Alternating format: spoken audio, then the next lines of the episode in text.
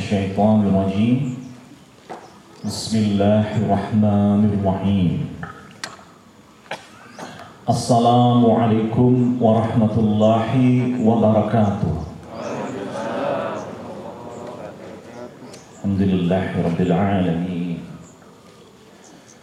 إن الحمد لله نحمده ونستعينه ونستغفره ونعوذ بالله من شرور أنفسنا ومن سيئات أعمالنا. من يهده الله فلا مضل له ومن يضلل فلا هادي له. أشهد أن لا إله إلا الله وحده لا شريك له. له الملك وله الحمد وهو على كل شيء قدير. وأشهد أن محمدا عبده ورسوله لا نبي بعده.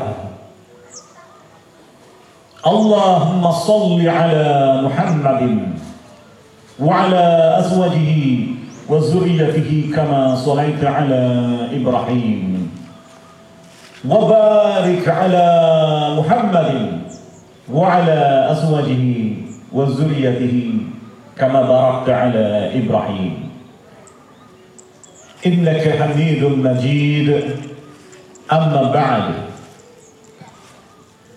معاشر المسلمين والمسلمات رحمني ورحمكم الله. كيف حالكم apa kabar panjenengan sedaya Alhamdulillah bi khair. Saya nggih alhamdulillah.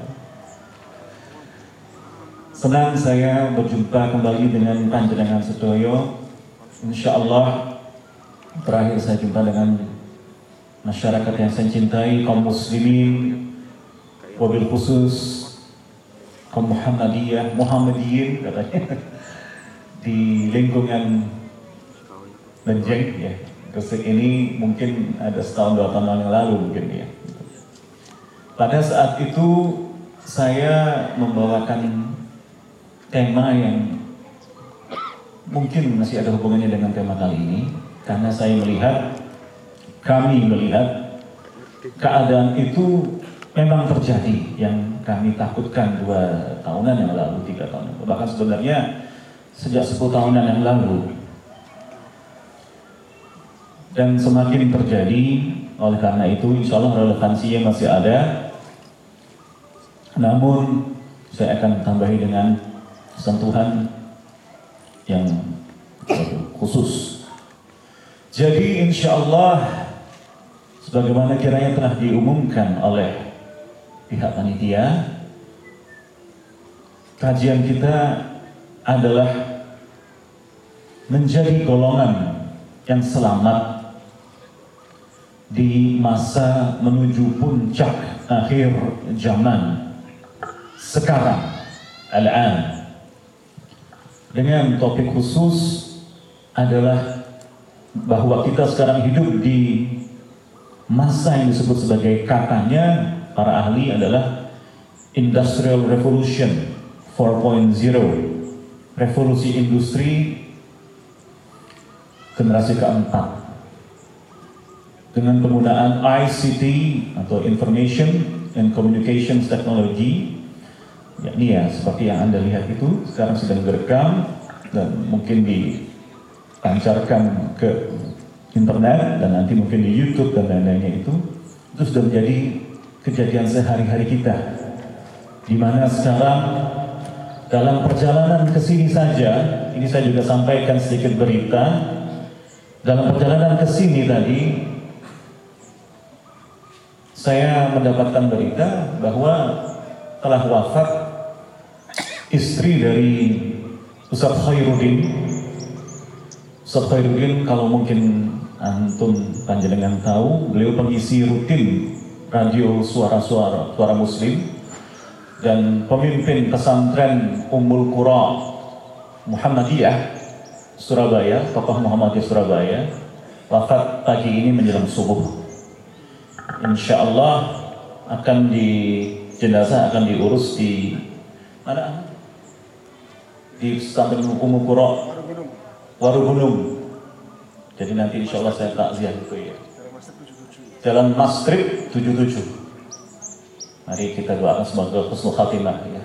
Dia sudah lama wafat dan kita tahu bahwa wafatnya seorang yang tetap beriman dalam keadaan sakit itu insya Allah gugurlah dosa-dosanya. Jadi ada sekitar enam atau lima minimal hadis yang mengatakan setiap penderitaan yang dialami oleh orang yang beriman setiap perindahan bahkan penderitaan yang hanya tertusuk duri yang hanya pusing yang hanya lelah yang hanya stres yang hanya bingung di hadis-hadis sahih dikatakan ini adalah pengguguran dosa. Tetapi kata kuncinya adalah beriman. Nah saya akan bawakan untuk awal surah yang sering saya renung-renungkan dan sering juga saya antara sedih tapi juga gembira luar biasa mengenai ayat ini. Sebentar.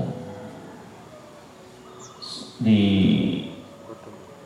surah Al-Maidah ayat 105. Saya bacakan ya. A'udzu billahi minasyaitonir rajim. Bismillahirrahmanirrahim. يا أيها الذين آمنوا عليكم أنفسكم لا يضركم من ضل إذا اهتديتم إلى الله مرجعكم جميعا فينبئكم بما كنتم تعملون.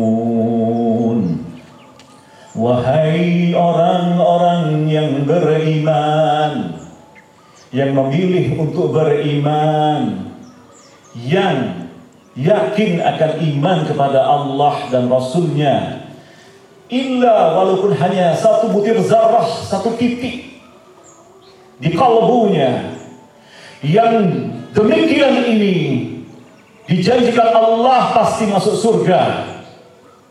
Di hadis Qudsi dan di hadis-hadis lain dikatakan pasti masuk surga dan orang yang terakhir keluar dari neraka di hadis Qudsi dikatakan dinyatakan bahwa gambaran ganjarannya adalah satu langit dan satu bumi. Satu bumi dan satu lapis langit. Bahkan di tafsir lain adalah tanah yang luasnya 10 kali lipat bumi dan 10 kali lipat langit yang kita ketahui di sekarang. Itu mudah bagi Allah. Mengapa? Karena ternyata Alhamdulillah ini saya di lingkungan sekolahan ada workshop kejuruan teknik informatika dan lain-lainnya ini saya akan bicara agak sains ya gitu ya. Ternyata bumi kita ini Pak hanya satu planet Bu di antara ribuan bahkan mungkin miliaran planet serupa di langit ini saja. Di langit yang katanya disebut sebagai galaksi, lapisan yang ini saja. Galaksi itu adalah kumpulan aneka planet dan matahari-matahari. Ada yang lebih besar daripada bumi kita. Dan ada matahari yang lebih besar dari mata, matahari kita yang nanti akan memanasi kita. Itu baru di lingkungan langit satu ini saja. Sedangkan ada entah berapa miliaran galaksi, Pak. Sedang bahkan ada yang katanya sedang diciptakan oleh Allah baru Nah, ini di antara iman. Kalau kita bicara iman, ingatlah pesan saya di mana-mana. Kita juga bicara mengenai Islam, iman, dan ihsan. Ada di hadis mana itu? Mungkin para asatis, para ustaz, para kiai, para talibin, para Ada yang tahu disebutkan di mana itu? Mengenai pembahasan Islam, iman dan ihsan. Oke, okay, baik. Itu ada di satu hadis yang luar biasa agung, namanya kata para ulama mungkin adalah hadis yang terpenting dari semua hadis, yakni hadis Jibril. Apa Pak, Bu? Hadis Jibril adalah pada saat malaikat Jibril alaihi salam datang di hadapan Rasulullah Muhammad sallallahu alaihi wasallam di satu ruangan terbuka seperti ini dalam bentuk seorang laki-laki yang ganteng, gagah dan tidak tampak perjalanan jauh. Padahal itu di Madinah. Madinah kalau bagi yang pernah ke sana panas ya. Nah, orang itu langsung datang di hadapan Rasulullah SAW dan mendekatkan duduknya langsung hadap-hadapan paha dengan paha. Kemudian menanyakan, menanyakan kepada Rasulullah SAW, apakah Islam itu? Apakah Islam itu? Apa itu Islam? Maka Rasulullah SAW menjawab, Islam adalah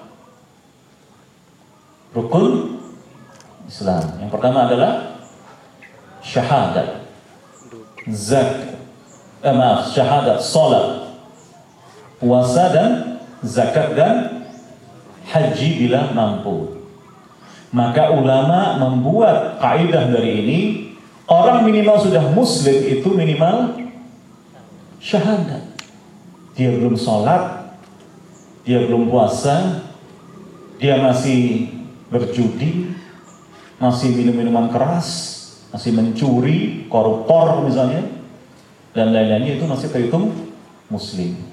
Itulah juga penjelasan. Jadi orang yang terakhir keluar dari neraka itu ya. Karena orang kalau sudah yakin pokoknya wes pokoknya Allah niku setunggal mawon. Dan Muhammad itu adalah utusan Allah. Sudah, dia sudah berhak itu masuk surga. Cuman nuwun sewu, nopo kerso dicelup ke neraka dulu. Boten kerso nggih. Karena itu disebutkan di tafsir Ibnu Katsir di antaranya neraka dan surga itu bertingkat-tingkat. Nah kita kalau munsehu kalau keselomot api sedikit aja nggak suka ya. Petinju terkenal juara dunia Muhammad Ali seorang muallaf dikisahkan ke mana-mana membawa korek api. Walaupun beliau mungkin warga Muhammadiyah juga karena rokok itu haram ya tapi ke mana-mana dia bawa korek api. Mengapa? Karena kalau dia mau berbuat dosa dia nyelomot dirinya sendiri gitu loh. Untuk merasakan api itu. Tuh. Itu rukun Islam kemudian orang itu tadi bertanya apa itu iman Iman adalah enam rukun iman. Apa Pak? Bu? Percaya kepada Allah. Ya. Kepada saya kepada apa? Ya. Banyak ya, malaikat, nabi-nabi, ya, kitab-kitab sebelumnya dan takdir yang baik dan buruk. Itulah dia. Kita mungkin sekarang sedang mengalami hal-hal yang buruk katanya. Dalam setahunan ini konon kita ini katanya sudah mau menangis itu sudah tidak tahu air matanya sudah habis ya kan? Saya keliling ke mana-mana pak. Semuanya mengeluh. Tapi rata-rata juga masih optimis. Mengapa? Nah ada yang menarik. Pada saat saya menjelang akhir Ramadan lalu ada sepasang suami istri yang saya kenal cukup lama cuman belum pernah ke rumah saya waktu itu ingin ke rumah saya suami istri TNI Angkatan Laut curhat. Pak, saya ini bagaimana kehidupan saya ini susah, hutang banyak, pandemi, di TNI ada yang tidak suka kepada saya, tidak tidak naik-naik pangkat karena saya tidak mau menjilat, tidak mau ya macam-macam lah ya. Maka malam itu sampai malam di rumah saya. Saya minta coba pegang pipi Anda, pegang tangan. Kenapa? Apakah engkau yang menciptakan pipimu? Tidak, Pak. Apakah engkau yang menciptakan istrimu ini? Tidak. suamimu ini tidak. Maka kita bersyukur kepada Allah, kita ini diciptakan sebagai itu, sebagai manusia. Kita tidak diciptakan sebagai mungkin makhluk-makhluk yang ada di balik pasir itu. Cacing. Kita tidak diciptakan sebagai pohon besar di sana itu. Yang saya yakin sudah puluhan tahun ada di sana tapi tidak jalan-jalan. Sedangkan saya dari Surabaya ke sini, saya bersyukur masih bisa naik mobil, masih ada yang ditemani teman saya. Oh ya teman saya ini namanya Ahmad Dahlan. Putra seorang ya pengurus masjid uh, guru Muhammadiyah Surabaya, lahirnya tepat di tanggal milad Muhammadiyah. Jadi kasih nama Ahmad Dahlan. Beliau juga tim saya, saya saya perkenalkan diri dulu mungkin. Saat ini saya ketua untuk Komisi Nasional Anti Pemurtadan Wilayah Jawa Timur. Saya juga peneliti ilmu perbandingan agama, akidah, tentang Kristen, Kristologi, Yahudologi, apa itu filsafat dan mengapa filsafat itu uh, salah, ya, menyesatkan sampai ke Syiah, komunis, mistik, dukun semuanya itu di lembaga Abdullah Wasi'an Foundation. Mungkin masih ingat nama beliau. Beliau guru dari para pistol nasional. Guru-gurunya, murid-muridnya saja sudah wafat. Beliau wafat beberapa tahun yang lalu di usia 94 tahunan. Muridnya saja Ustaz Insan Moko Ginta sudah wafat ya. Yang wafat, Alhamdulillah itu videonya viral, wafat sedang dalam keadaan sholat ya.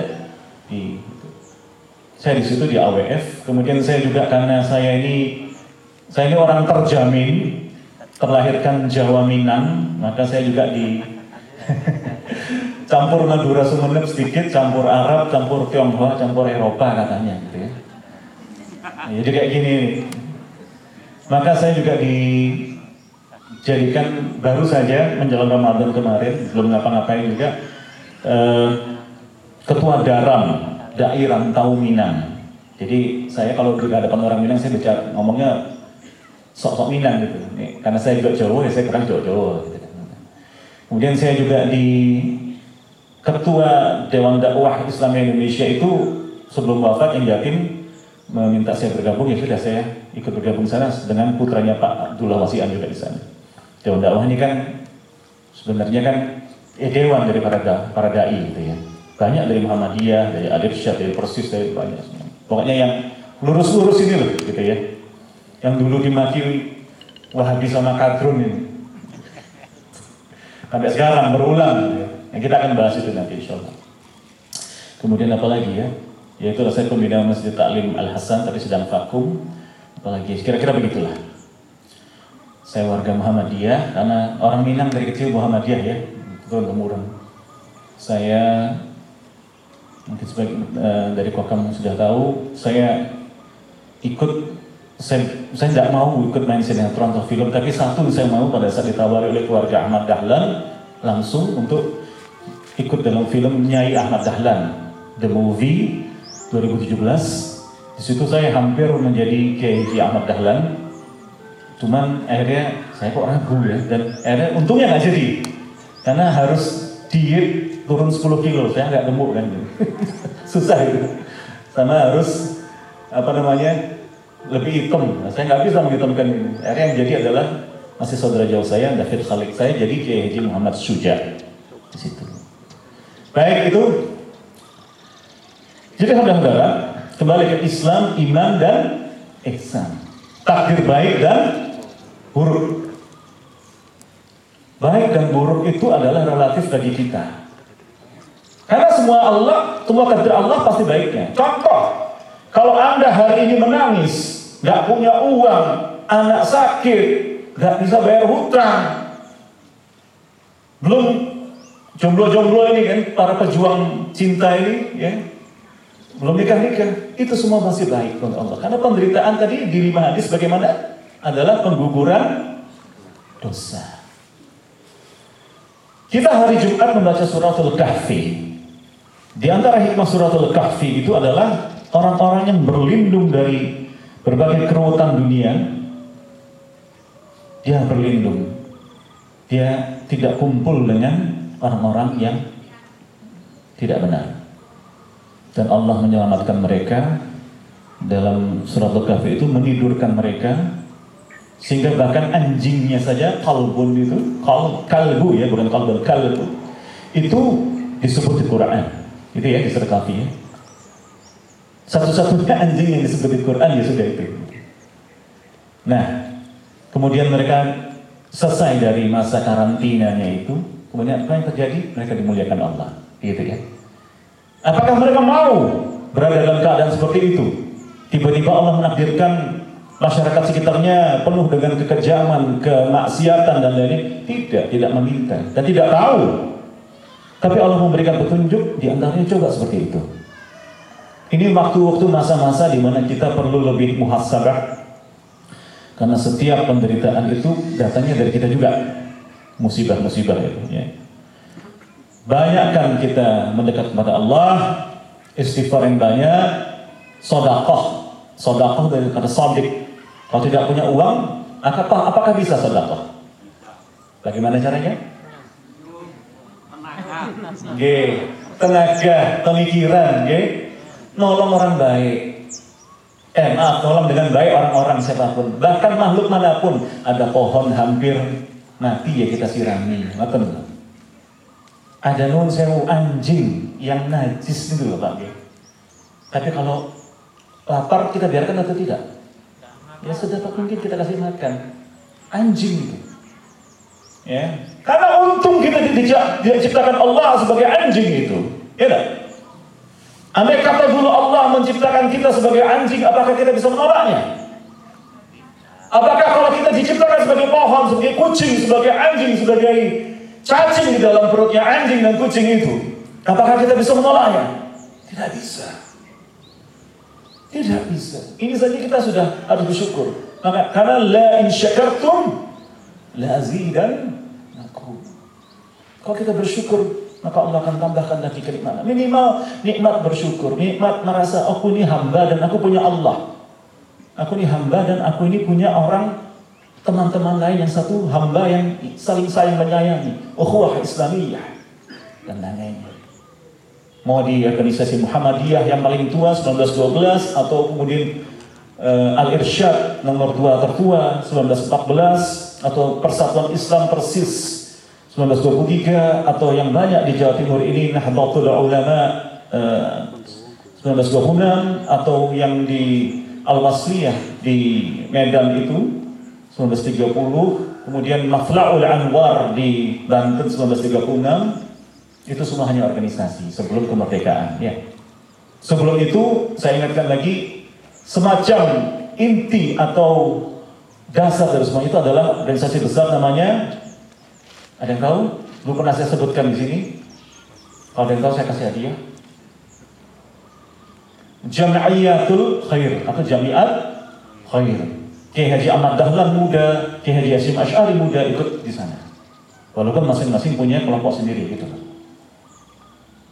Kemudian Jamiatul Khair ini uh, pecah karena ketidaksepakatan fatwa. Kemudian sebagian dari orang-orang itu membuat al-irsyad al-islamiyah. Itu loh Pak. Yang golongan Arab-Arab ini loh. Zaman-zaman ini. Ya, baik. Kemudian sudah kemerdekaan ada uh, Nahdlatul Watan di Nusa Tenggara Barat ya. Kemudian ada gejolak Masyumi. Pernah dengar nama Masyumi? Majelis Syura Muslimin Indonesia. Anggotanya resmi Muhammadiyah, Al-Irsyad, Persis, Al-Wasliyah tadi, Makhla'ul Anwar dan Al-Ittihadiyah dan lain-lain. Dulu Nahdlatul Ulama ikut bergabung, tapi seingat saya menjelang pemilu 1955, 53-an, 54, NU keluar. Dan membentuk koalisi sendiri nantinya bernama apa kalau nah Nasakom kita bahas ya. Karena relevansi ini nanti di antaranya ini. Nasionalisme agama dan komunisme Partai Nasional Indonesia Soekarno dan kawan-kawan dari Nahdlatul Ulama dan PKI saya juga PKI Pak pencinta kucing Indonesia. Gitu ya. Tapi saya, juga anti PKI. Saya anti partai kurus-kurus Indonesia karena saya gemuk. Maaf. Baik, kita potong dulu ada Nasakom dan Nasyumi ya, nanti kita akan kembali ke sana. Sudah itu Buya Muhammad Natsir, Buya Hamka, tokoh Muhammadiyah, Buya Natsir dari Persis, pemersatu NKRI, pemimpin Liga Muslim Dunia, pemimpin Dewan Masjid Dunia, Perdana Menteri Indonesia, pemersatu NKRI dengan mosi integral M. Natsir pada saat negara kita hancur, RI itu diproklamasikan kemudian pecah menjadi negara-negara boneka itu loh. Dipersatukan lagi oleh Buya Dr. Muhammad Natsir. Ya, semuanya dipenjarakan. Karena itu tadi konflik antara Masyumi dengan Nasakom. Kita berhenti dulu, kita bahas hadis Jibril. Kemudian, itu dia dari iman. Kemudian Jibril alaihissalam bertanya, apakah ihsan itu? Apa yang tahu? Ada yang tahu ihsan itu apa? Kalau ihsan itu teman saya dosen, tapi bukan itu saya itu ya. Apa ihsan itu? Nah ini penting Pak. Ihsan itu adalah yakin. Yakin kita beribadah seperti kita mengetahui melihat Allah subhanahu wa ta'ala yang maha suci dan maha tinggi. Dan kalau kamu tidak bisa melihatnya dan memang tidak akan dapat melihatnya saat ini, nanti pada saat di surga nanti kita akan menyaksikan Allah, itu janji, dan itu kenikmatan surga yang paling tinggi melihat Allah langsung. Karena bahkan Rasulullah Sallallahu Alaihi Wasallam pada saat Isra dan Mi'raj itu tidak melihat Allah dalam rupanya yang asli. Tetapi ada hijab keagungan Allah. Itu ada di banyak hadis. Itu yang saya sayangkan berapa bulan yang lalu itu ada seorang tokoh ulama besar mengatakan, ya itulah Aisyah mengatakan tidak, karena ada hadis-hadis lain Rasulullah itu ada yang menafikan Isra Mi'raj. Ya. Tidak, Rasulullah ini berjumpa dengan Allah Subhanahu wa taala di Sidratul Muntaha Arsy. Tapi ada selubung. Satu-satunya Nabi yang jumpa Allah langsung selain Musa alaihissalam yang melihat di bumi dan pingsan beliau ya. Ini. Nah, itu ihsan. Dari sini tolong dipahami dulu.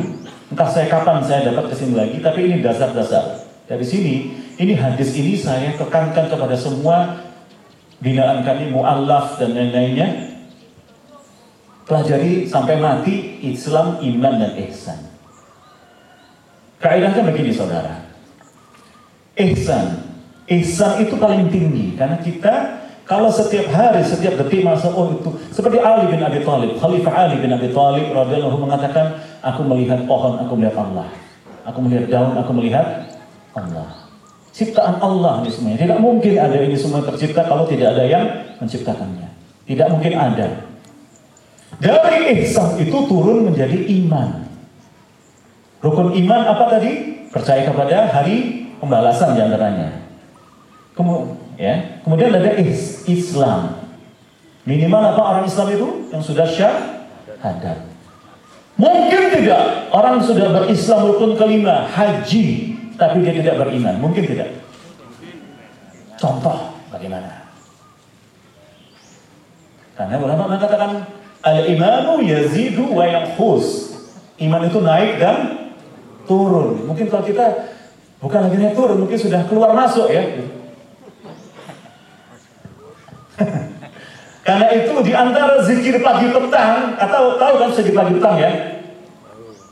Abu ulaka bi ni'matika alayya wa abu ubi zambi faghfirli fa innahu la yaghfiru dzunuba illa anta.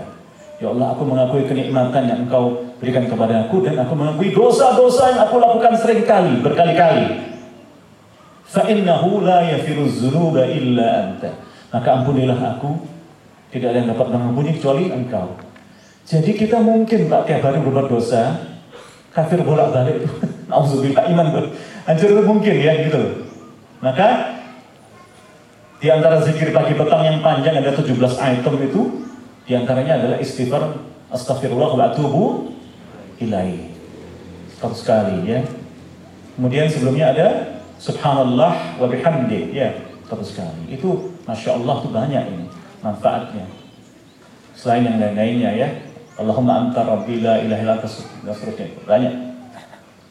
Contoh haji yang tidak beriman bagaimana? Sedang tidak beriman bagaimana? Contoh aja, nggak usah sebut nama. Kalau sebut nama banyak nanti contohnya. Contoh, eh? Perbuatan syirik. Perbuatan syirik. Sudah haji tapi nun sewu masih syirik. Contoh perbuatan syirik apa? Mungkin maaf ya di pelosok-pelosok ini masih banyak ya. Tak suwo. Tak suwo, yeah. Dia saya setuju. Niku, ya akhirnya hari saya bersaksi keluarga Ahmad Dahlan ini memang Ahmad Dahlan ini memang memang betul ada semboyan Muhammadiyah anti TBC, TBC, anti takhayul bid'ah khurafat. Qala Rasulullah sallallahu alaihi wasallam, "Kullu bid'atin dhalalah." Ad-dhalalah fi finnar. Semua beribadat datang, beribadat, tata cara ibadah yang diubah-ubah, yang dikurangi, yang ditambahi, yang dicampur adukkan, itu adalah bid'ah. Ini di antaranya batasan dari Imam Ash-Shatibi dan diikuti oleh imam-imam yang lain. Jadi ada yang mengatakan ngomong-ngomong bid'ah terus, itu kan pakai mic bid'ah. Jadi kata maknawinya ini memang baru zaman Rasulullah tidak ada. Kamu naik unta aja atau makan nggak usah pakai sendok garpu, nggak usah pakai celana jeans. Karena zaman Rasulullah nggak ada gitu kan ya. Tidak, itu adalah kaidah teknologi yang tentu terbaru. Dan setiap nabi dan rasul itu selalu memakai teknologi terbaru di zamannya. Contoh, Rasulullah SAW pada saat perang Hamdak, perang Tarif itu loh, ya. Beliau mendapatkan masukan dari sahabat Nabi Salman Al Farisi radhiyallahu bahwa orang Persia yang sekarang wilayah Iran itu sekarang jadi sumber agama Majusi Syiah itu ya itu menggali parit di sekitar benteng untuk supaya penyerangnya tidak dapat masuk ke paritnya dalam berapa meter gitu loh jadi naik kuda pun tidak mungkin itu teknologi perang Persia dipakai oleh Rasulullah itu bagaimana pada saat itu Paham ya? Itu perang, itu teknologi perang. Naik mobil silahkan, gedung bangun begini. Masjidnya Rasulullah dulu lantainya tanah. Atapnya apa? Daun yang dikeringkan, pelepah kurma, campur tanah. Makanya ada hadis para sahabat Nabi masuk ke dalam masjid itu dengan tidak melepas sepatu dan sandal gitu loh. Jadi itu kalau sekarang ada orang masuk masjid pakai sepatu dan sandal ya nggak salah kecuali sebentar ya. Tapi ya bertengkar dulu mungkin sama takmirnya karena takmirnya nggak tahu di situ mungkinnya gitu. Karena masjid zaman sekarang ini ya pakai ubin, keramik, bahkan marmer ya, granit gitu. Pokoknya nggak apa-apa sebenarnya kalau dia pakai yang bersih ya gitu.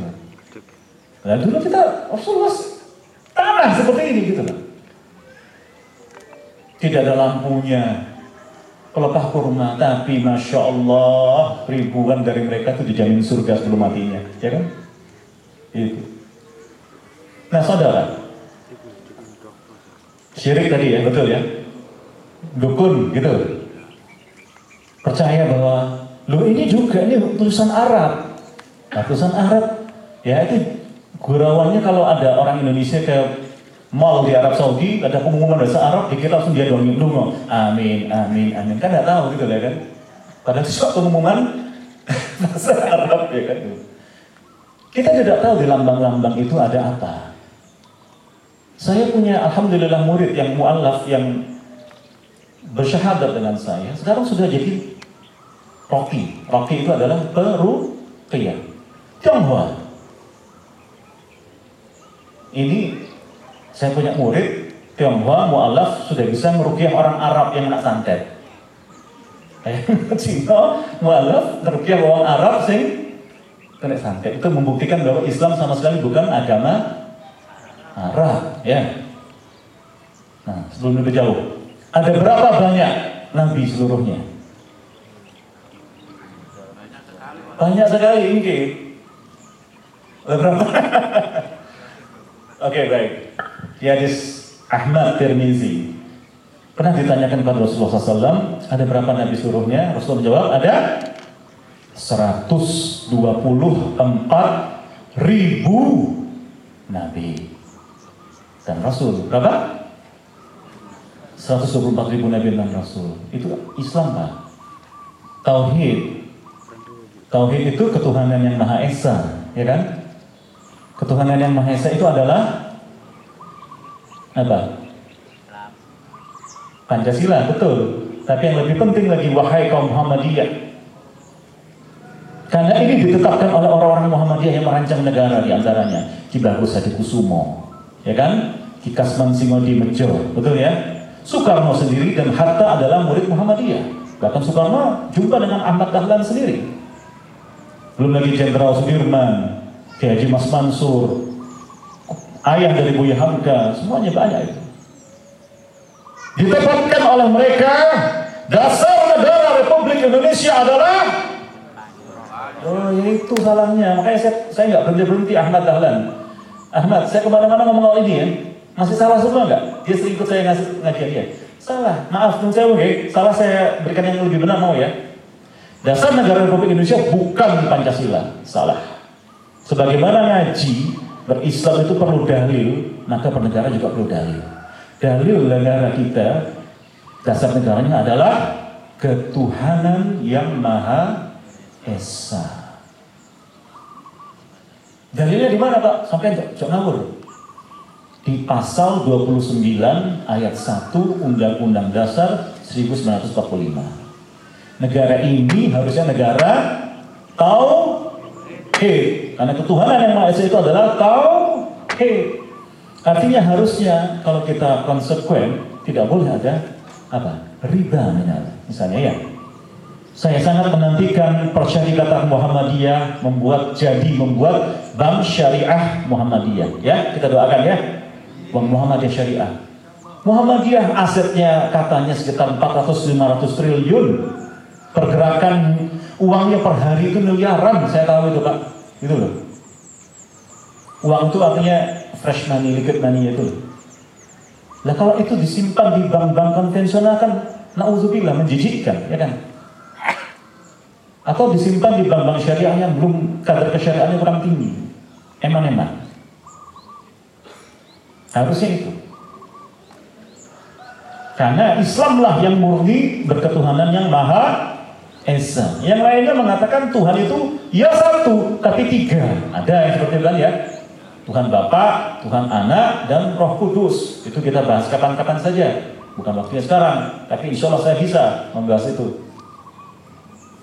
Ada lagi yang mengatakan, oh iya Tuhan itu satu, tapi kemudian menjelma turun ke dunia menjadi makhluk berupa manusia ya. Dewa Dewi dan lain tidak bisa kita katakan itu. Walam yakul lahu kufuan ahad. Tidak serupa dengan apa pun. Tidak bisa kita katakan, oh kan apa, Tuhan punya 99 nama, ya itu Asmaul Husna. Tapi bukan berarti masing-masing nama itu ada bentuknya, ya kan? Itu bedanya. Tauhid itu di situ. Dia tidak bisa pakai tahayul. Kalau kita mulai bertahayul, mulai percaya, oh di situ ada penunggunya, larung sesajen, ini untuk penunggu gunung Merapi ini segala macam. Anda kasih sesajen, sesajian, makanan untuk laut. Apakah laut itu makan? Siapa yang makan? Jin laut. Ya.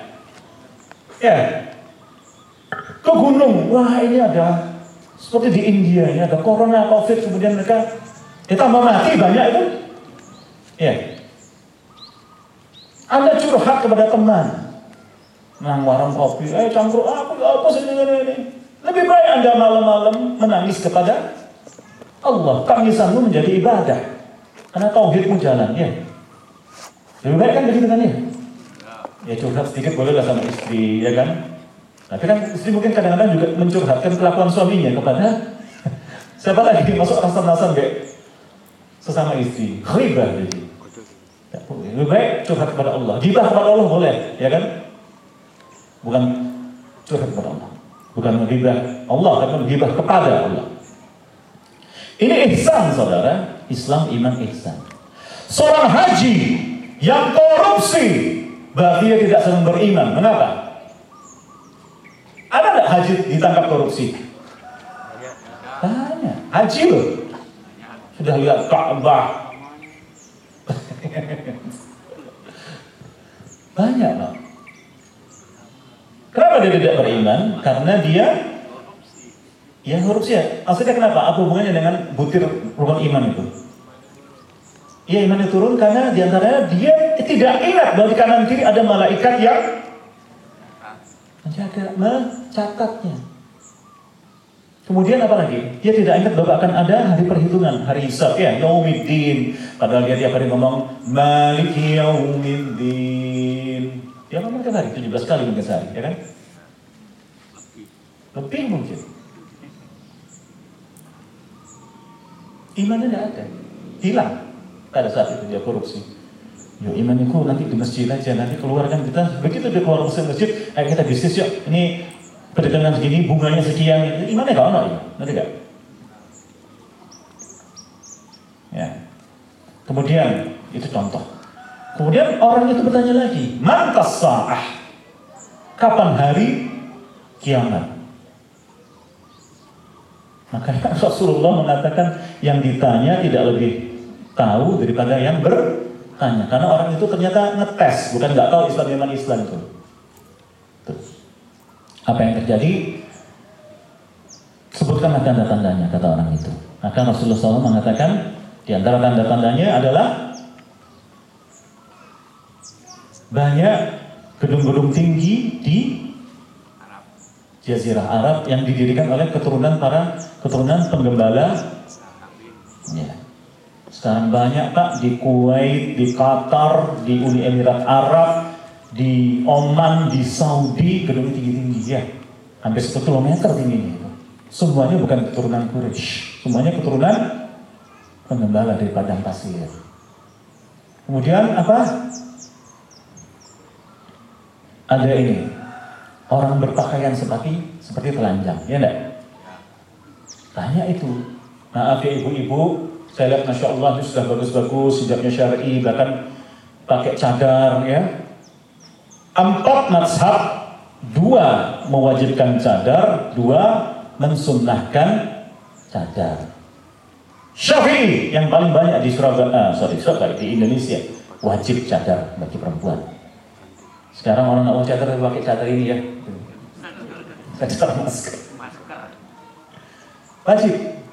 Minimal kalau Anda tidak bercadar, jangan menghina yang bercadar itu, ya. Nah, pakaian yang itu juga bukan maaf ya, hijab ini bukan membalut tubuh ya, menurut ya, tapi menutupi karena itu disunahkan warnanya gelap karena gelap ini tidak tembus tidak tembus tangan, tidak tembus cahaya, gitu loh. Kan sumpah pak panas, nah itu karena itu Allah membuat perempuan itu lebih keringatnya lebih sedikit daripada laki-laki. Itu sudah hikmah. Allah paling tahu keadaan manusia. Turuti saja. Sunnah. Kita berpegang pada Al-Quran dan Sunnah. Dan ijma' salafus soleh, pendahulu yang soleh, dan empat mazhab. Lakukan mukaram al-mazahib, perbandingan mazhab. Semua mazhab punya kekurangan dan kelebihan masing-masing. Mazhab itu hanya berbeda di perkara hukum, ya? Dan itu bukan itu pun bukan hukum-hukum dasar, hanya hukum-hukum yang bukan dasar yang furuk cabang. Paling paling bagus bagaimana? Kalau Allah zahir perbandingan. Kembali lagi, apalagi tadi, oh ada tanda kiamat lainnya adalah budak melahirkan tuannya. Di antara tafsirnya pertama, dulu Baghdad adalah salah satu pusat peradaban dunia. Di masa Daulah Islamiyah ada yang menyebutnya sebagai khilafah. Kalau saya bilang itu kerajaan Abbasiyah karena turun temurun. Khilafah yang asli tidak turun temurun. Itu pemimpinnya dipilih. Seperti yang mana? Khilafah yang disebutkan di hadis adalah khilafah alamin hajj nubuwah. Siapa itu yang pertama? Khalifah Abu Bakar. Khalifah Umar bin Al-Khattab.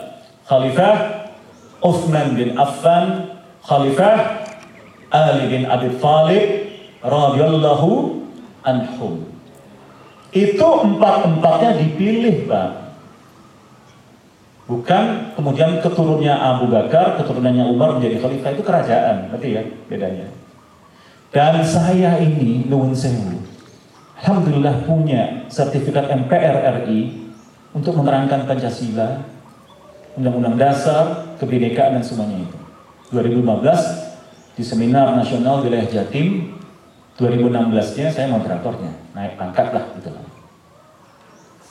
Saya terangkan apa itu Pancasila.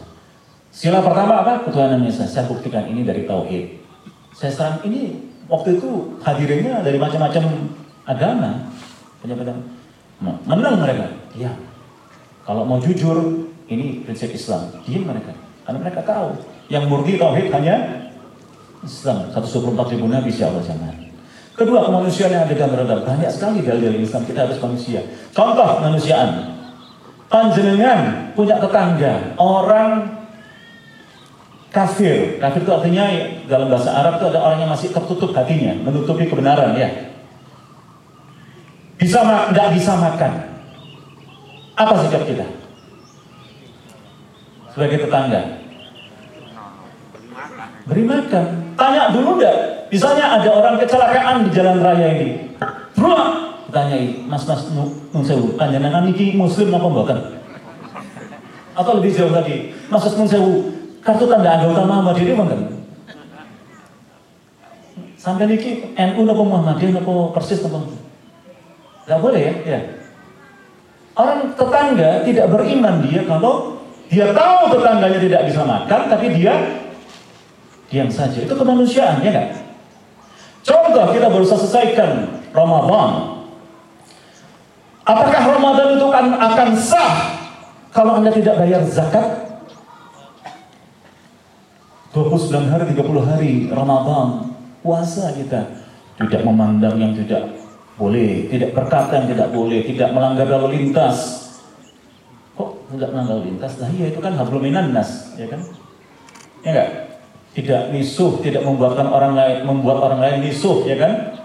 Tidak berbuat jahat, tidak menyebabkan orang lain berbuat jahat. Itu bagian dari puasa. Asyamu. Itu loh puasa kita, ya. Kadang hebat kita ini kalau kita puasa kita benar. Puasa kita kan bukan hanya Allah Pak anak anak-anak eh, mungkin ada SD SMP SMA. Saya punya sahabat Ustadz Muhyiddin, ya betul ya Ahmad Dahlan ya. Ustadz Muhyiddin itu ada umur berapa? Anak umur 5 tahun ya. Puasa 30 hari Pak. Dia pembina yatim piatu di Bukit Jubel di Pacet sana tuh. Sudah bisa anak lima tahun itu ya? Tak waktu kita ke sana lihat kan nerah gitu. Tapi bisa kan? Nah, karena innamal a'malu bi niat. Semua karena niat. Panjenengan kalau tidak niat puasa, jam sekian sudah nyari kan boleh kecil ya kan? Tapi nek panjenengan niat puasa, terus kata mau kasih kecil, mau kasih sate, bule, engko ae. Ya kan? Apa mentahannya ae wis. Itu dia karena kita niat, karena kita sadar tadi ihsan. Puasa itu adalah juga tahan latihan ihsan. Kenapa ihsan? Karena kita tahu Allah mengawasi, ya kan? Sehingga kita tahu dikasih kopi, dikasih ini, air.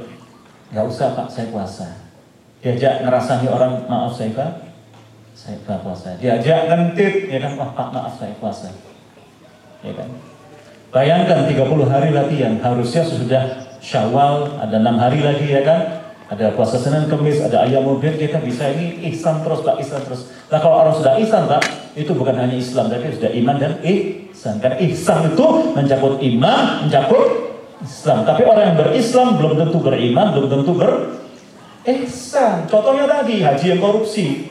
Dia Islam, tapi sedang tidak beriman dan apalagi dia tidak ber ihsan. Haji saya, apa tadi? Eh. Haji yuwo. Ya, apa ini? ya. Di masa Abbasiyah dari kembali maaf. Abbasiyah itu hancur karena apa? Pertama, memang di situ banyak teknologi baru ditemukan. Katanya pusat ilmu. Tetapi yang ikut diterjemahkan juga adalah buku-buku dari Hindu, dari Yunani, dari Mesir dan lain Babilonia menjadi filsafat, filosof, filosofia. Di antaranya kata orang turunan dari filosof ini jadi sufi itu. Kata sufi sama sekali bukan dari bahasa Arab, tidak ditemukan di kamus bahasa Arab mana pun. Karena itu dari filosofi ya. Yang kedua adalah dia dari, nah ini, Daulah Abbasiyah waktu itu terkenal makmur, duitnya banyak, mewah. Itu saja sudah masalah. Kenapa? Ternyata kemewahan itu begini, para pembesar itu biasa, akhirnya bermewah-mewahnya keluar dari keislaman. Artinya tipis keislamannya. Dia pakai baju sutra, boleh nggak bagi laki-laki? Dia pakai intan permata emas, boleh nggak? Bagi laki-laki, kan? Nggak boleh kalau pakai emas, ya. Kata emas putih pun tidak boleh. Jadi tukar cincin itu juga bukan dari budaya kita ya. Tidak ada Rasulullah pakai juta cincin tunangan, tidak gitu. Saya pakai cincin enggak? Enggak kan? Gitu. Nah, bahkan waktu itu sudah ada macam-macam fahisyah dan lain-lain, homo dan lain itu sudah ada. Maka orang-orang yang mangkal terhadap ini tidak mau pakai pakaian sutra tapi pakai suf. Suf itu suf itu adalah pakaian dari bulu domba, kasar itu loh. Itu golongan sufi. Maunya niatnya bagus, mau zuhud.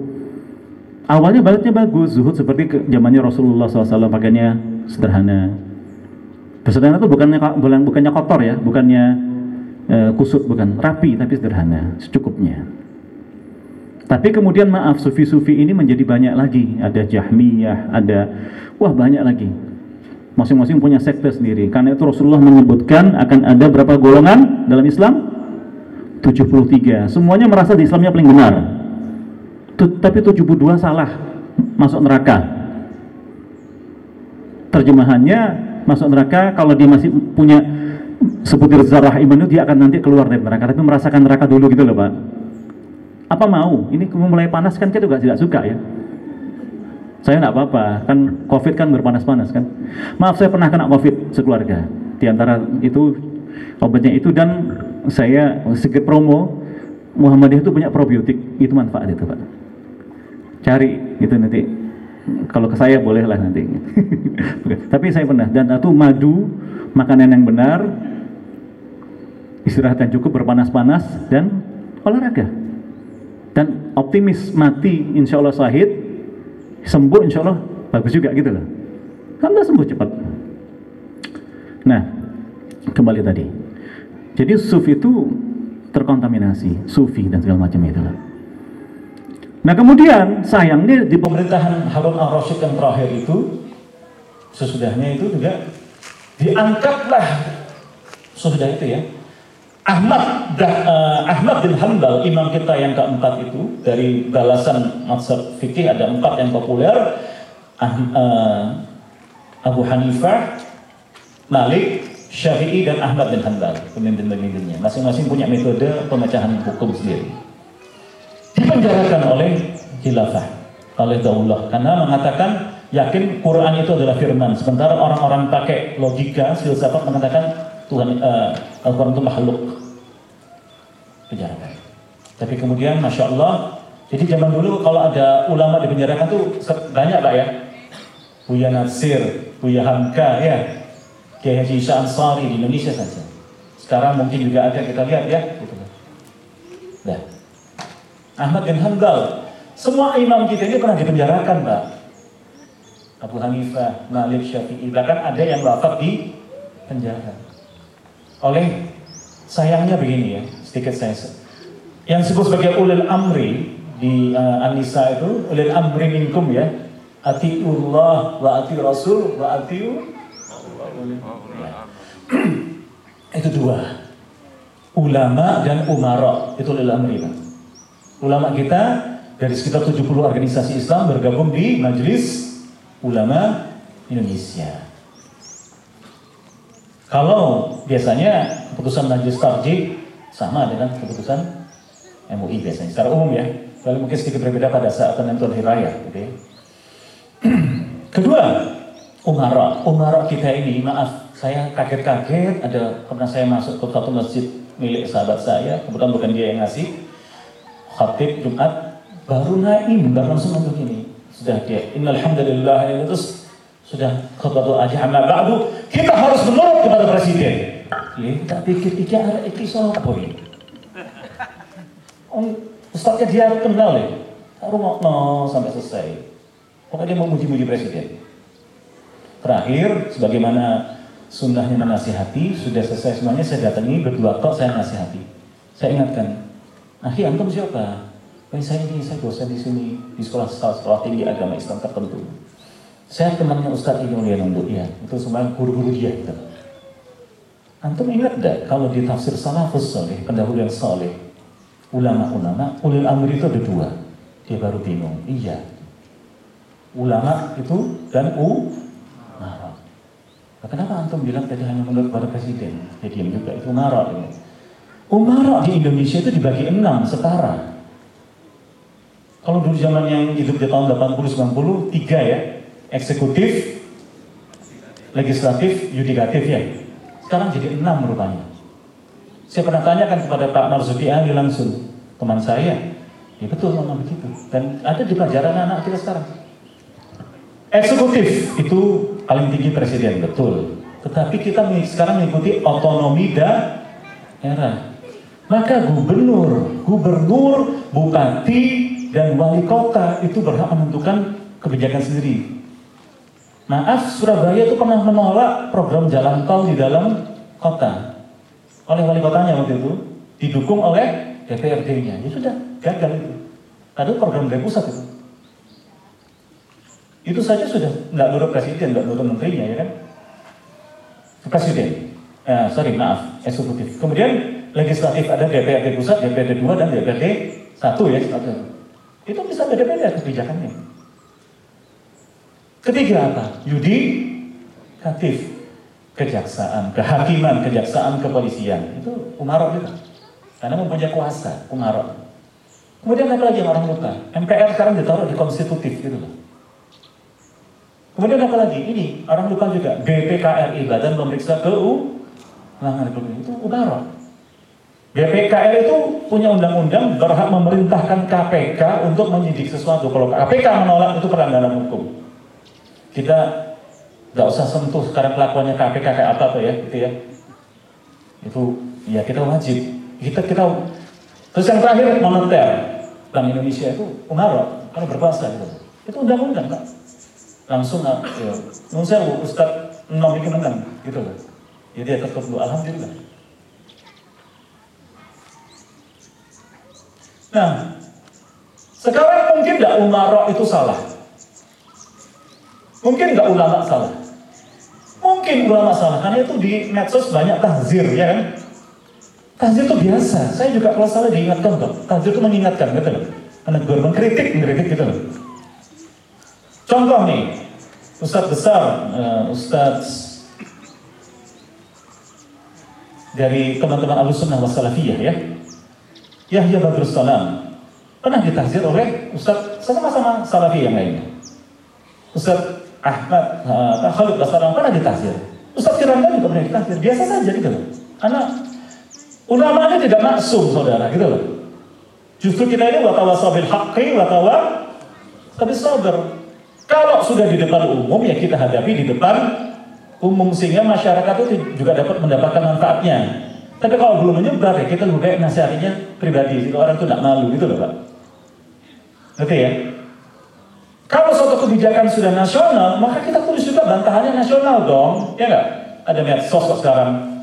Itu akan sampai juga insya Allah ke sana. Boleh itu masih boleh. Menyampaikan perasaan kita di depan umum boleh. Unjuk rasa itu masih boleh. Yang tidak boleh unjuk rasa dengan merusak, membakar, kasar ya, maki-maki tidak boleh itu. Kalau kita rame-rame datang ke DPRD, DPRK ini tidak setuju dengan penjajahan Palestina, ya boleh. Kalau datangnya 500 orang tentu ramai. Kalau sendirian ya sepi gitu aja kan. Tapi kalau tertib boleh. Contoh dulu kita sama-sama menolak Ahok.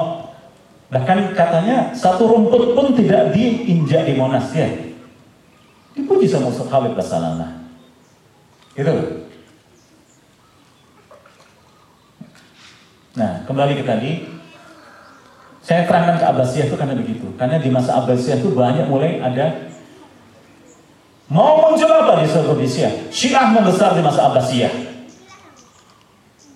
Jabariyah, Qadariyah, paham yang satu menolak takdir, satu mengatakan kita tidak usah berusaha karena Allah sudah menciptakan segalanya, kita diam aja, Allah pasti ngurus. Itu sama-sama sesatnya juga di masa Abbasiyah. Karena pakai ini loh, akal yang keliru.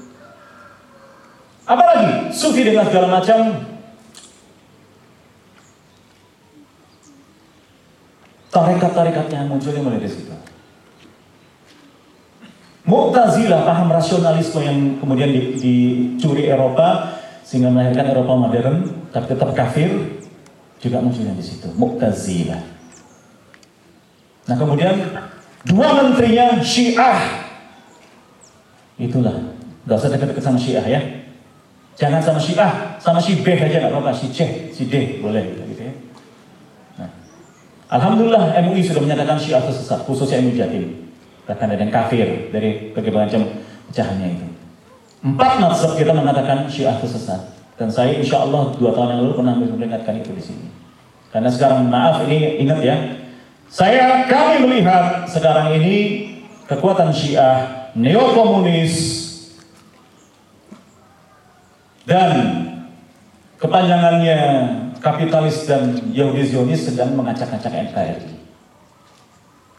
Dan itu maaf ada saudara kita yang ikut mereka gitu loh. Ya, masuk mau disebutkan organisasinya? Tetangga gitu ya, adik yang nakal itu loh. Terus nanti dia bilang, kan dia nanti ada musuhi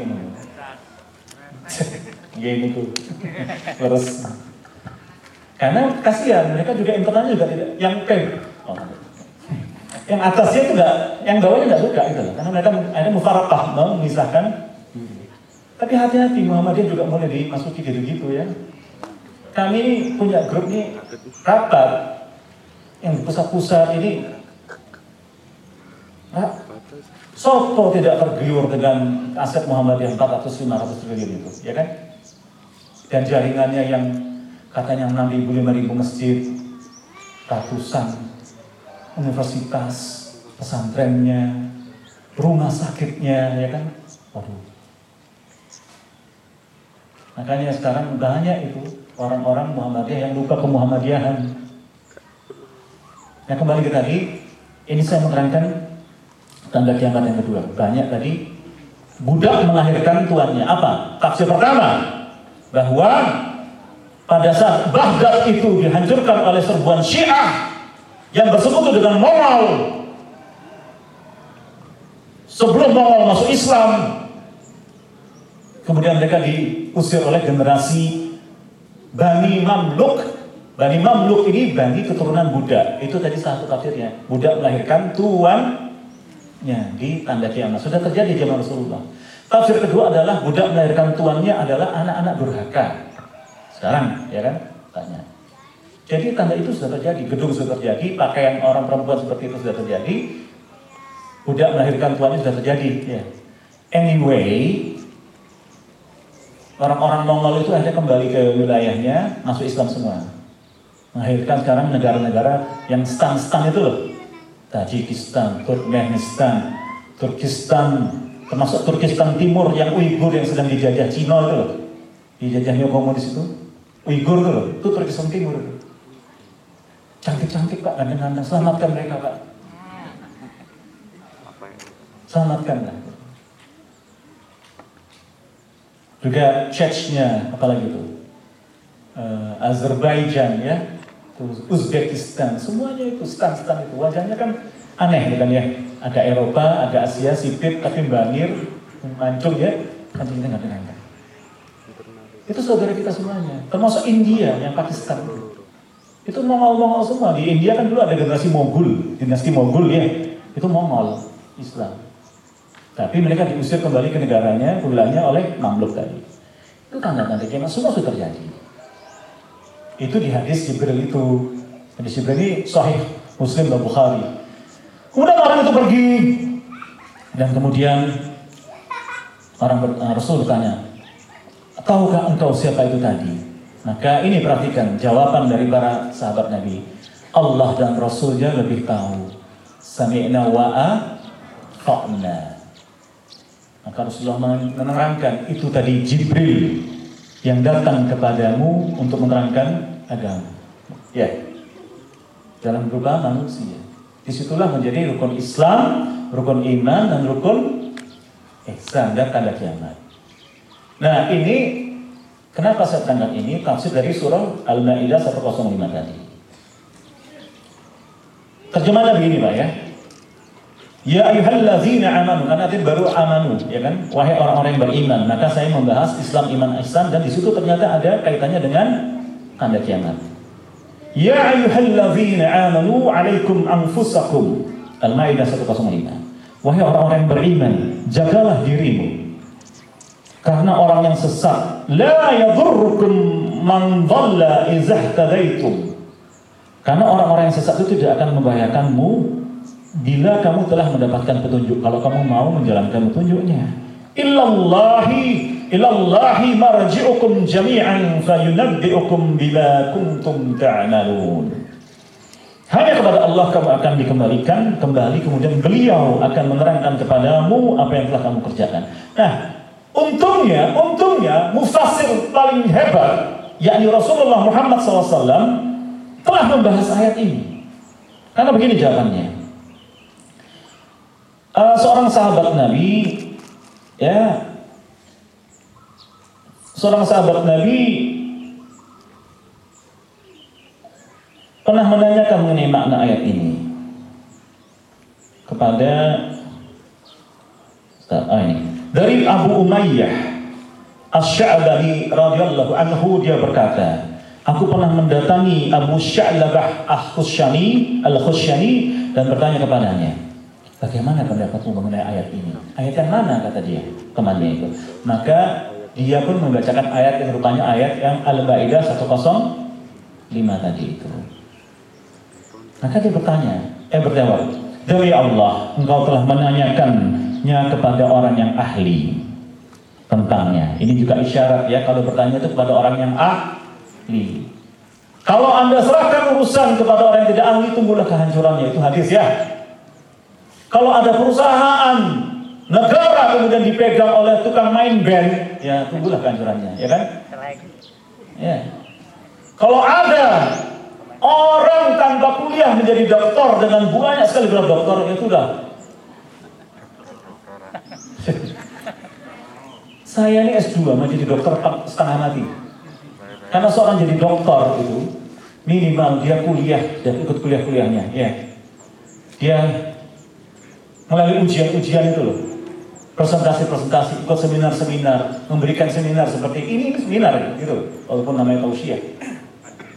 Kemudian dia harus menulis artikel yang tingkat nasional dan diuji di tingkat internasional. Itu pun belum tentu jadi dokter. Tapi hebat sekali ada nenek-nenek belum pernah lulus S1. Dokternya katanya masih ada lagi mau universitas lain yang mau memberikan gelar dokter. Iki saya iya. Pasti membuat banyak frustasi dosen-dosen se Indonesia ya kan? Jadi kalau urusan tidak serahkan kepada ahlinya itu saja kancuran gelar itu tidak bawa mati ya? Yang dibawa mati adalah apa? Amal saleh.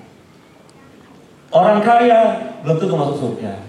Bahkan Rasulullah mengatakan orang miskin masuk surga 500 tahun sebelum kaum yang kaya kita mau di alam kubur kita ini ditamani dengan amal soleh kita yang dirupakan nanti dengan keadaan lapang kubur. Wah enak sudah di kuburan itu. Bukan dengan gelar dokter, haji, kiai, as, astaz, habib, belum tentu. Ya baik, kita lagi. Iya iya, iya iya. Dikit mau selesai Pak. Tadi saya minta maaf ya, terlambat ya, agak salah jalan sedikit. Baik, ini sudah terakhir. Nah, Rasulullah mengatakan tafsirnya begini. Yang dijemurkan saya, masa kan kalian tidak apa-apa. Saya mau terus kok. Tidak ada pintar. Ini Demi Allah engkau telah menanyakan kepada orang ahli tentangnya Aku pernah menanyakan makna ayat ini kepada Rasulullah SAW Maka beliau bersabda ini, penting ini Pak. Ini dari Rasulullah menerangkan Al-Maidah 105. Teruskanlah olehmu untuk selalu melakukan amar ma'ruf nahi mungkar. Kalau artinya ya, berbuat yang benar, mengajak kebenaran, memerangi kejahatan. Sampai engkau akan menyaksikan kekikiran yang ditaati, ngedit di mana-mana. Hawa nafsu yang diperturutkan, yaitu tadi mungkin haji tapi keduniaan gitu loh. Kehidupan dunia yang diutamakan itu penyakit jiwa, al-waham. Orang lebih cinta dunia daripada akhirat. Apakah kemudian kita harus miskin? Tidak. Karena di surah Al-Qasas 77 diterangkan, nikmatilah kehidupan dunia. Jangan lupakan menikmati kehidupan dunia. Makanya enak, boleh. Kumpul sama cari istri yang cantik, suami yang ganteng gak boleh. Anak-anak kita langsung ketawa itu. boleh. Kenikmatan dunia ini, perempuan yang soleh adalah perhiasan dunia, betul tidak? Perempuan hanya empat kewajibannya wahai perempuan. Pertama, sholat lima waktu. Kedua, Ramadan. Ketiga, dia menjaga kehormatan dirinya hanya untuk yang halal. Ya. Keempat, menurut kepada suaminya. Itu hadis. Tapi di hadis lain dikatakan tidak ada ketaatan kecuali dalam hal yang ma'ruf. Jadi kalau suaminya leher, boleh tidak ditaati. Tapi jangan diperangi, dinasihati, ya, dinasihati dengan dirayu gitu loh. Mas panjenengan ini ganteng tapi dukun. Mas panjenengan ini ganteng tapi kok korupsi mas? Lu bodoh nang merokok gak melok gak kelemahan panganan korupsi. Misalnya gitu loh, ya boleh itu. Rayulah suamimu, rayulah istrimu dan istri-istrimu. Oh, Ahmad Dahlan yang empat kak. Alhamdulillah, masya Allah. Maaf ya bu, langsung merenggut ya pak. Ini kan sejarah, dan bukan wajib loh ya, bukan wajib loh ya. Boleh, syaratnya panjang loh ya. Mau poligami kemudian tidak adil nanti akan datang menghadap Allah dengan katanya tafsirnya kebalik muka di bawah gitu kepincang malu kita ya kan iya uh, kehidupan dunia diutamakan serta orang-orang yang terpesona terhadap berbagai pendapat yang dikeluarkan sendiri. Jadi orang zaman sekarang banyak jadi ustad, saya enak IDW gitu loh, gak pakai dalil. Kalau ustad medsos, ya kan? Sudah tahu sedikit kemudian menjawab, waduh, nauzubillah. Ini terusnya, hendaknya kamu hanya bergaul dengan orang-orang yang searah denganmu dan tinggalkanlah kaum yang awam. Awam itu maksudnya orang yang tidak berpengetahuan, tapi sok-sokan tadi itu loh. Tinggalkan aja, tidak apa-apa. Ya kita nasihati, tapi kalau ngeyel, jidal, jidal itu tidak boleh dalam Islam ya. Berdebat kusir dulu pokoknya menang nggak boleh. Tinggal sudah kita doakan ini sudah dalilnya ini nggak terima yuris ya apakah boleh kita berdebat? Boleh tapi dengan dalil. Dan tidak boleh benci-bencian. Sebab setelah zamanmu itu akan datang satu masa yang penuh cobaan di mana orang-orang yang memegang teguh agamanya seperti menggenggam bara api. Ya kan Ketahuilah saat itu orang yang terus berusaha untuk memegagi agamanya, ini penting dan hiburan untuk kita. Maka pahalanya sama dengan 50 kali para sahabat Nabi. Barakallahu fiik itu. Ini hadis At-Tirmizi Ibnu Wajah dalam Al-Fitan Al-Malahid. Zaman sekarang, karena itu zaman sekarang juga berikutlah apa yang terjadi. Rasulullah pernah mengingatkan akan terjadi kaum al-ghuraba, orang-orang yang dianggap aneh, orang-orang asing itu loh. Satu kampung sedang dukun, ada satu keluarga nggak dukun, dia dianggap aneh ya enggak? Satu kantor korupsi semuanya, satu orang tidak mau korupsi, dia dianggap aneh. Dia sendirian, tapi sebenarnya dia tidak bersendirian. Dia berjamaah dengan Rasulullah SAW. Karena itu nanti yang membebaskan Palestina, Suriah, semuanya itu bersama Rasulullah Isa al-Masih alaihi salam. Kokam bersiaplah. Para kiai bersiaplah. Para ustaz bersiaplah. Anak-anak muda ini persiapkan. Dajjal pasti datang. Siapakah yang akan bersama Rasulullah SAW? Isa alaihissalam, Isa al-Masih. Yang nama Ibraninya adalah Isu atau Yeshu atau Yeshua sebutan nama lainnya.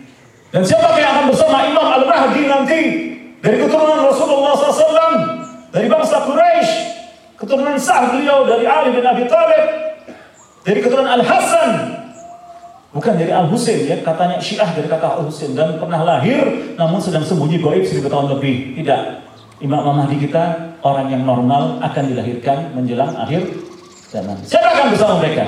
Mereka disebut sebagai At-Ta'ifatul Mansurah. At-Ta'ifatul Mansurah itu orang yang terus berada dalam kebenaran. Walaupun sedikit. Dan pada akhirnya mereka akan mendapatkan nusratullah, pertolongan dari Allah. Dan itu di semua masa ada. Panjenengan kalau misalnya dikuyo-kuyo, tapi batin, ya Allah, kok begini ya, gitu. Allah akan tolong Anda. Karena tetap di Al-Quran dan Sunnah. Ijma' salafus soleh, pendahuluan soleh, kesepakatan salafus soleh, dan imam kita empat itu. Ini. Mau tahu tanda-tanda Islam yang sedang terjadi? Ini panjang. Saya singkatkan aja, karena saya sudah diingatkan program, takut saya. Salam perkasa, ya. Perkasa! Betul ya, apa kamu? Tanda-tanda Islam yang sudah terjadi. Pertama, riba di mana-mana. Sudah terjadi belum? Masjid banyak tapi kosong. Sudah terjadi belum? Megah-megah tapi masjid itu megah. Mungkin tingkat pakai lampu kristal, granit, tapi penduduk sekitarnya miskin. Tidak tahu agama, dukun, murtad pula. Ada kisah itu di balik masjid itu kampung belakang itu ada nenek-nenek tua, nggak ada yang ngasih, zakat nggak nyampe ke sana. Kenapa ya? Diumumkan hari ini kas masjid sekian juta, tapi sekelilingnya hancur-hancuran. Penting nggak ada duit, tapi penduduknya makmur. Joko Karya misalnya, ya kan? Itu ada ini buat permodalan usaha, piro satu setengah juta wes gaya rombong, gitu loh. Tuh. Masjid hancur, riba di mana-mana, perzinahan mudah, betul nggak? Orang banyak berkelahi, seenaknya huru hara, betul nggak? Kedatangan Dajjal akan didahului Dajjalun. Dajjal itu adalah pembohong luar biasa, penyihir terhebat. Dia akan didahului kaum yang curang, ya, penipu, pencitraan dan lain-lainnya itu loh. Sudah terjadi belum? Kerasa belum? Ya. Ya Pak, sudah Pak. tiga lagi, tiga lagi. Nah, perang. Saudara, saya pernah menanyakan ini kepada Ustaz Dahtiar Nasir. Al-Malhamah Al-Kubra. Perang akhir zaman. Perang akhir zaman itu perang itu dimulai dari mas, kalau menurut saya ya, perang itu belum pernah berhenti sejak iblis memusuhi Adam alaihissalam. Betul nggak? Kita anak keturunan Adam, bukan bukan iblis. Puncaknya nanti akan ada di kedatangan Dajjal itu dan akan berpusat di tiga wilayah. Sebagaimana di hadis diterangkan pada akhirnya umat Islam akan menjadi tiga pasukan. Pertama di Syam, kedua di Yaman, ketiga di Irak. Syam adalah sekarang menjadi negara sudah dulu Daulah Turki Islamiyah hancur, dipecah-pecah menjadi puluhan negara baru. Jadi Palestina, Suriah, Yordania, dan Libanon. Empat-empatnya menjadi daerah krisis. Terjadi nggak? Kemudian Irak terjadi nggak? Yaman tadi. Kita bahas sedikit, menit ya Pak ya. Dijamin di menit Di Palestina kita melawan Yahudi, betul ya? Yahudi Yahudi palsu pula, bukan Yahudi asli itu. Itu keturunan Khazar dari Kaukasus, wilayah Kaukasus. Mana ada Yahudi asli mat, kulitnya putih, rambutnya pirang, matanya biru hijau, nggak ada kan? Mereka bukan Yahudi asli, bukan Bani Israel, mereka Askenazi, Bahkan dari yang Yahudi Ortodoks tidak mau negara Israel itu ada, tidak mau ya uh, Palestina dijajah. Mereka yang celananya cingkrang yang jempolnya panjang itu loh, banyak kan Yahudi-Yahudi gitu ya, yang pakai cadar juga seperti kita.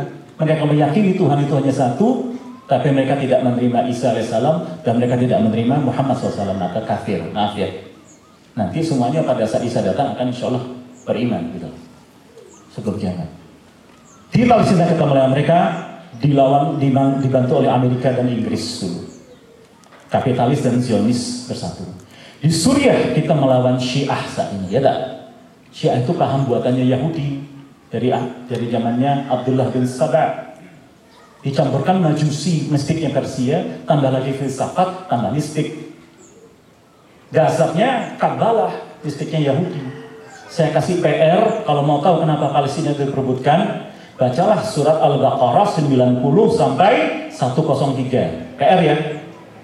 Kalau mau tanya nanti jawabannya ke hubungi saya.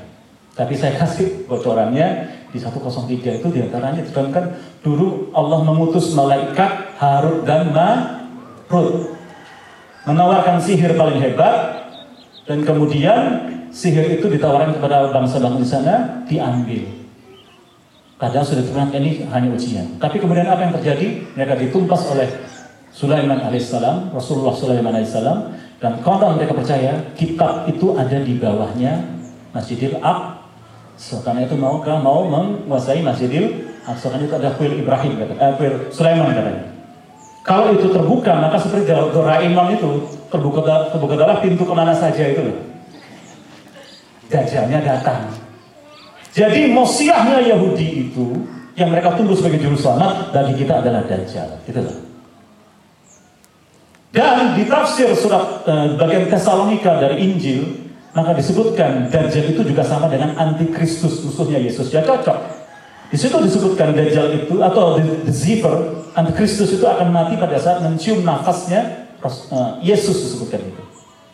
Nah itu di hadis disebutkan nanti Dajjal akan mati melihat mencium nafasnya Isa salam di hadis dan akan dibunuh di untuk ikut di Palestina. Dan pasukan muslim ini yang Al-Taifatul Mansorah, moga-moga ada program di sana juga nanti itu, ya, akan menghadapi Yahudi. Yang lainnya akan beriman kepada Isa. Itu urusan kita dengan Syiah dan Yahudi di Palestina dan Suriah. Yordania menjadi tempat penampungan pengungsi, Libanon ada Syiah di situ. Irak kita dengan Syiah juga, betul ya? Yaman dengan Syiah juga. Jangan bagi Syiah, maaf ini terakhir Pak, betul betul. Syiah yang paling oh, terus ya, terus, terus. Syiah itu yang paling besar sekarang yang menjadi agama resmi di Iran itu adalah Syiah sekte 12 imam atau Isna As'ariyah. 12 imam itu mereka ikutnya mulai dari Ali bin Abi Thalib, kemudian Hasan Hussein, ya, Ja'far Siddiq dan seterusnya itu. Yang ke-12 ini mereka percaya sudah pernah lahir, tapi balita menghilang. Sebenarnya mati lah. Tapi karena supaya malu Mas Imam ke-12 nanti dibilanglah bahwa itu adalah gaib, mastur. Nanti akan muncul lagi di masa akhir zaman membawa Al-Quran yang benar. Jadi menurut mereka Al-Quran kita itu tidak benar sekarang itu. Dan akan bernama dengan Yahudi dan Nasrani. Itu ada detail yang saya bisa kirimkan nanti ya. Pembahasan panjang. Nanti selesainya duhur pada bangga ini. Ya. Itu. Jadi imam ke-12 mereka itu Rasulullah mengatakan Dajjal akan muncul dari arah Isfahan, Asbahan. Itu daerah di perbatasan antara Iran dengan Azerbaijan. Di situ akan diiringi oleh 70 ribu kaum Yahudi memakai kaya Laisa. Jadi maaf, kesimpulannya gini, Dajjal itu mudahnya pertama adalah justru dianggap sebagai juru selamat bagi Yahudi. Ini dari kita mereka sendiri, Pak. Jadi ciri-ciri kita melakukan perbandingan agama begini. Ini jurnal ilmiah. Saya bilang, oh ini saran. Nah, ini memang begini. Gitu. Kemudian sama dengan antikristus bagi Yesus, artinya musuhnya Yesus malah bagus. Makanya di antara tafsir nanti kaum Kristen itu akan bergabung dengan kita, akan sadar gitu loh. Kemudian terakhir akan jadi imamnya kedua Syiah. Nah itu. Nah itu Pak, sudah Pak. Itu. Masih banyak lagi yang lain, tanda-tanda kiamat, kerosol dewe, ya kan? Perang yang belum terjadi kelihatannya adalah perang Al-Hindi. Mungkin kita akan kena itu. Perang Al-Hindi itu ya Hindi, India itu. India ini kan maaf ya, penganut maaf ya, ini kan majusi kan ya. Dewa Dewi ya, roh halus dan semuanya dinamisme animisme panjenengan sekarang perang ini sama animisme percaya nang kono anak penunggu nih ya anak semut ya kan cacing anak saya nunggu ya kan? tapi kemudian kon pohon itu jadi sumber keberuntungan yaitu TBC tadi itu itu perang yang belum terjadi lagi apa Aturk Aturk ini tafsirnya nah akhirnya hadis juga matanya sipit hidungnya kesek kulitnya seperti perisai yang digosok. putih gitu. Pikir Dewi Sono. Kemudian perang Arab, perang kaum muslimin terhadap para penunggu Ka'bah. Ya itu pikirlah siapa ya. Karena Islam bukan agama A. Belum lagi nanti ada akan ada saya kaget-kaget Jawa Timur ditunggu tsunami 20 meter 30 meter ya. Yang pasti juga akan terjadi dukhon, ad-dukhon. Apa? Asap ya. Akan ada masanya mungkin menurut tafsir ulama seluruh dunia ini di hampir seluruh dunia diikuti asap. Mungkin karena meteor itu kan jatuh. Lah kalau meteornya segede Australia, tsunami berapa ratus meter, ya kan? Ya? Sudah tidak apa-apa syahid gitu, ya. Banyak lagi minuman keras di mana-mana, perjudian di mana-mana, narkoba, ya. Terus banyak. Wabil khusus, tanda-tanda kecil menuju air zaman, itu sudah separuh itu terjadi. Tapi ini saya tutup dengan apa tadi kuncinya menjadi orang selamat karena kuliah ini atau tausiah tentang orang selamat ya. Apa tadi? Islam iman. Islam iman ihsan betul dan kembali ke Al-Qur'an Sunnah ya. Karena yang melaksanakan agama sekarang seperti menggenggam bara, tapi pahalanya seperti 50 kali lipat pahala sahabat Nabi. Jadi panjenengan sholatnya benar, nggak pakai bid'ah, pahalanya bukan hanya pahala sholat, tapi setara 50 kali lipat pahala sholat nah, sahabat Nabi. Puasanya nggak pakai bid'ah, ya kan? Zikirnya nggak pakai bid'ah, nggak dicampurkan mistik, hati-hati ya. Salah zikir yang datang bisa jin gitu loh. Ini kesaktian dari Rocky gitu loh. Maka ambil aja zikir yang sudah ya di HPT sudah ada HPT ya. Di kitab yang sahih. Ada riadus solihan zikir saya kira itu bapak ibu. Ada pertanyaan enggak? sudah sudah pak jangan lama lagi. Saya terprovokasi. Saya saya itu pernah pak. Karena tambah sedikit saya ngisi di Cengho itu 3 jam 4 jam. Terus tapi alhamdulillah dari jam 10 sampai jam 12 kemudian sudah zuhur lanjut-lanjut mereka datang lagi habis zuhur sampai asar gitu ya karena kami menerangkan mengenai semuanya itu tadi Yahudi Kristen semuanya sampai komunis. Oh ya komunis itu juga buatan Yahudi ya neo komunis Cina itu mencampurkan kapitalisme jadi boleh berbisnis tapi tetap BUMN-nya milik negara dan tidak ada demokrasi dan tidak ada ketuhanan itu loh bahayanya statement saya tadi awal kami memperingatkan anda Nauzubillah bukan-bukan nasakom baru itu tidak terjadi gitu loh tapi iya apa tidaknya pikir oh aku dituntut gitu kan. Karena dulu yang komunisnya juga dari Cina juga dari zamannya Bung Karno kita sekarang merasakan ya gitu loh ya siap-siap oh ayo wes ya. Siap ya Salam perkasa. Pertahankan kalimat syahadat. Islam agamaku. Muhammadiyah. Alhamdulillah. Kembalilah ke Muhammadiyah yang sejati. Guru saya sampai wafat, saya dekat sekali dengan Buya Profesor Dr. Yunahar Ilyas. Tahu ya? Wakil Ketua Umum MUI dan Wakil Ketua Umum Muhammadiyah. Ya, Beliau mengingatkan, jadi sudah saya cek kepada keluarga anak jalan, Muhammadiyah itu alus sunnah wassalafiyah. Kira ini salafi, Pak. Gitu loh. Salafi itu maksudnya pengikut salafi soleh. Belum tentu yang mengaku salafi adalah salafi sejati, gitu loh. Siapa tahu yang tidak mengaku salafi malah adalah justru salafi yang sejati. NU menamakan pesantrennya pesantren salafiyah, betul tidak? Kita juga salah sunnah. Jadi nggak usah rebutan soal salaf, nggak usah salah salah soal salaf ya. Kita itu semua salafi perkara salafi ada yang kurang benar, ada yang lebih benar, ya itu kita cari yang paling benar di mana gitu. Al irsyad proses polisi. Baik, mau doa atau tidak langsung aja ya. Baik, sunnahnya menutup tausiah atau apa? Tahu isi uyah tausiah gitu ya. Adalah kita banyak istighfar ya. Dan baca sholawat ya. Buat mau Muhammadnya gak sholawatan? Kundulmu Allahumma salli ala Muhammadi wa ala azwajihi wa zuriyatihi kama salaita ala Ibrahim wa barik ala Muhammadi wa ala azwajihi wa zuriyatihi kama barakta ala Ibrahim. Innaka hamidu majid. الحمد لله رب العالمين. وكفارة مجلسه سبحانك اللهم وبحمدك أشهد أن لا إله إلا أنت واستغفرك وأتوب إليك.